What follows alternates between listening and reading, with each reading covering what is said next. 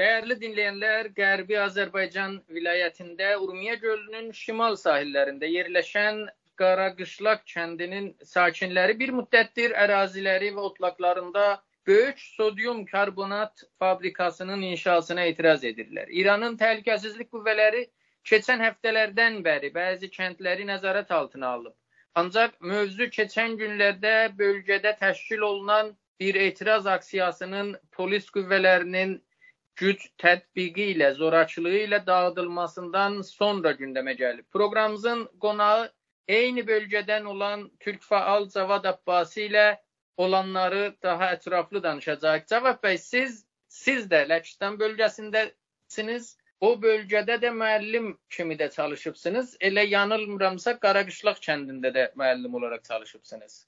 Bu etirazlarla bağlı bəlkə biraz eşidənlərimizə məlumat verəsiniz çox qısa.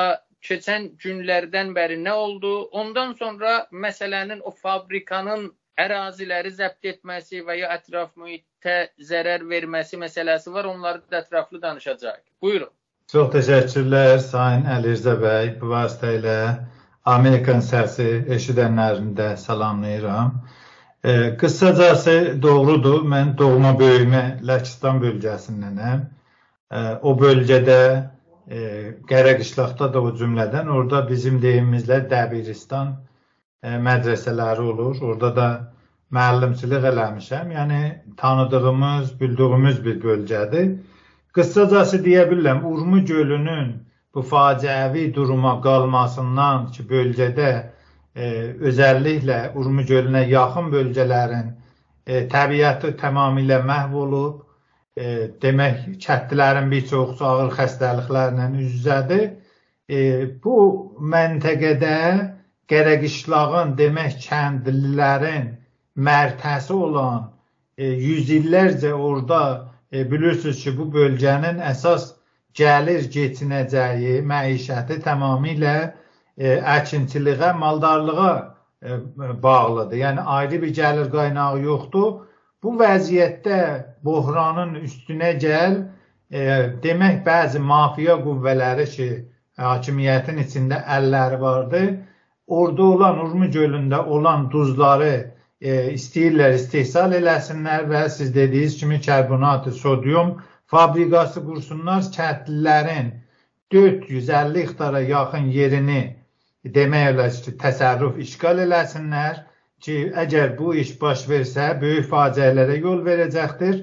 Bir mövzu da bunu artırım ki, e, proqramın gedişatında qısa sorularla, açıqlamalarla ilərləyək. Qərəqişlaq mahalı sadəcə bu millətin e, tarixi geçmişinə də baxsaq, Ziloluq dönəmində 1918-də o zaman ki, o zaman yağilər, simitkolar e, həmlə elədi burada millətə, yenə eyni Qərəqişlaq o səngəllərdəndir ki, böyük e, e, mücahidətlər, dirənişlər, mübarizələr aparıbdı. Onların da başında olan Məsud Divan və arkadaşlarıdır. Hələ də şəhidlərin məzarı orada durur. Böyük bir millətdir. Orada çoxlu alimlər yetişibdir. E, neçə min nəfəri bir kəndidir və ətraf kəndlərində hətta e, öyrəncilər oraya mərkəz kimi gəlirlər. Orada ona görə ki, Dəbiristan vardı və yenə də yayılan məlumata görə ətraf kəndlərin o cümlədən Şəkəryazı və e, Kəngərlinin də suyu quruyubdu. E, o iki kəndin də su qaynağı ehtiyacı da Qərəqişlağa bağlıdır. Yəni əgər bu karxana ki bunun tayı Mərağada neçə il bundan qabaq vurulmuşdu, orada da böyük faciələrə, e, çevrə fəlakətinə və tamamilə bölgəni məsmum eləyibdir. Burada neçə qat o mərəğədə olan fabrikaya ta istəyirlər, fabrika qurulsun və millət buna 6 aydan çox da etirazlarını göstərir. Sonunda da çarəni kəfən giyərək, qadın demədən gənc, yaşlısı meydanlara gəldi və öz etirazlarını göstərmişlər və yenə də etirazlar davam edir. Evet bəy, siz bu həbslərlə bağlı, yəni xəbərlərə baxanda daha öncədən də həbs edilənlər olub. Yəni hələ bu mediaya, sosial mediaya belə yayılmadan keçən həftələrdə həbs olunanlar olub, bir də keçən etirazlarda. Bununla bağlı bilirəm, dəqiq məlumat əldə etmək mümkün deyil, amma nələr var? Neçə nəfərin həbs olunması ilə bağlı və ya orada etirazları dağıdarkən onlara nə şəkildə güc tətbiq edilib? E, doğrudur. Ən yayson yayılan məlumata orada birbaşa özü iştirakçı olmuşdu etirazlarda. Demək olar ki, uzun müddətdir müxtəlif formalarda öncə kəndin içində fərmandarıya gedib etirazlar olub, fərmandar gəlib kəndlilərə e, vədə vəid verə qəbul olunmayıbdı.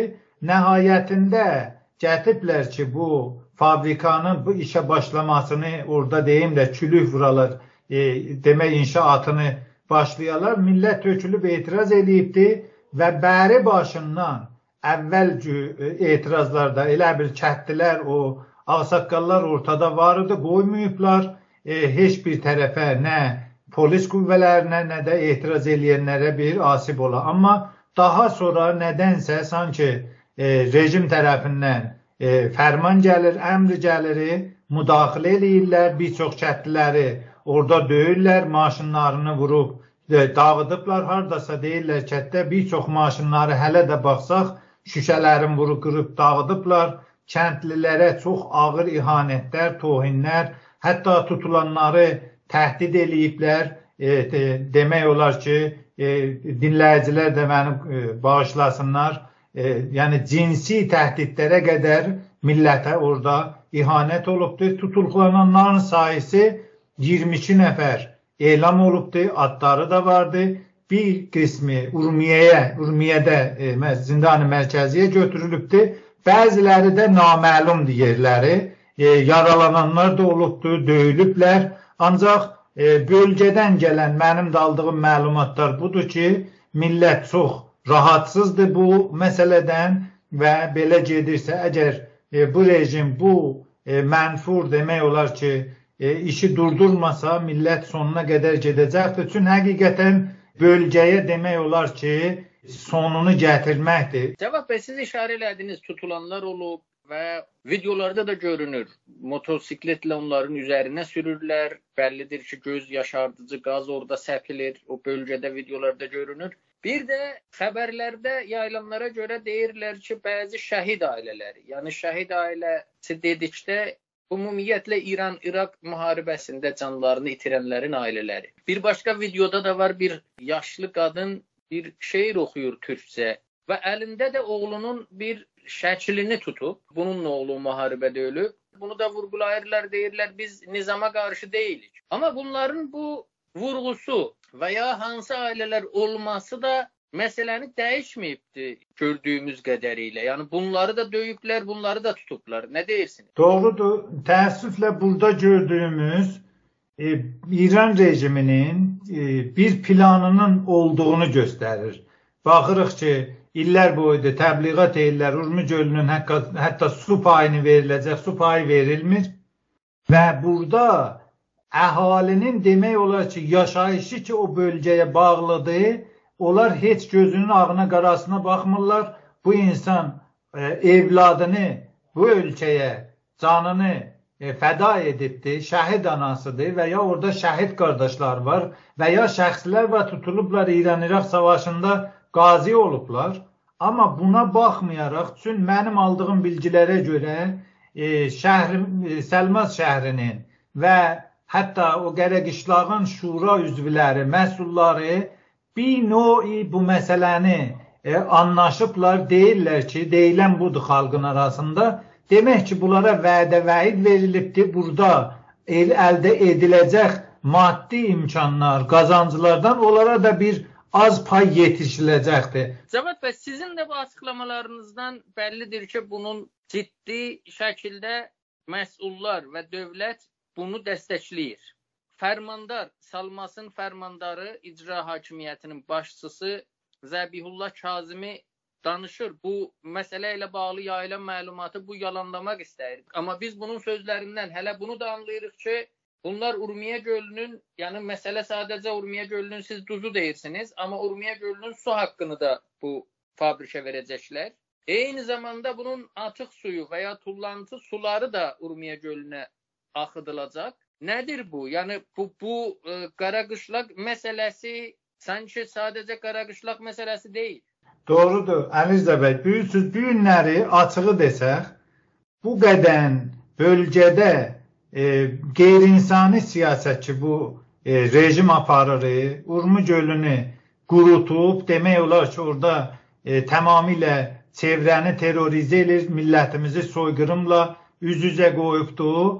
Bu günləri Azərbaycanın qəlbi qərəqişlaqda atır. Həqiqət budur ki, əgər bu mücadilə ki başlanıbdı, başarısız olursa Azərbaycana başqa yuxular görüblər. Necə ki siz vurğuladınız, fərmandar orada rahatcasına deyir ki, çünki dünənəcən təbliğ edilir, deyirlər ki, Urmu gölünün su payı veririk, su gedirik. Amma yenə də burada e, özləri ifşa elədilər ki, Sədd Zolanın e, Urmu gölünə su payını verəcəklər. Eyni bu e, istəyirlər ki, düzəltsinlər orada bu fabrikaya və o da yetməz 20-dən çox dərin quyu qazılacaqdır.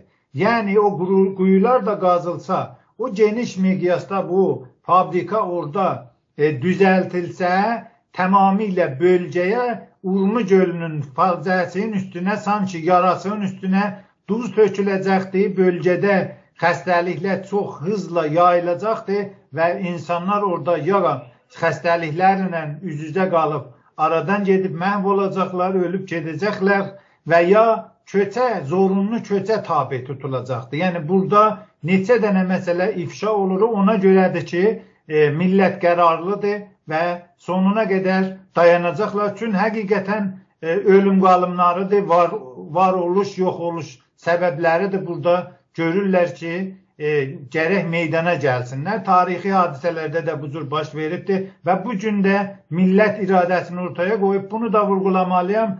Əliza bəy, indi içəridə olan və ya milli fəalların bir çoxsu yenə bəyaniyələr verirlər, açıqlamalar verirlər ki, e, Qərə qışlaqda başlatılan mücadilənin arxasında olacaqlar və elə Urmu gölünün qurutulmasının qarşısının ölümə tərk edilməsinin qarşısını almaqla yanaşı Səlmasda, e, Qərə qışlaqda başlatılan mücadiləyə də dəstəklərini sonuna qədər verəcəklərini elan etmişlər durumdadır. Çox sağ olun Cavad bəy, təşəkkürlər müsahibə üçün. Siz də sağ olun, var olun.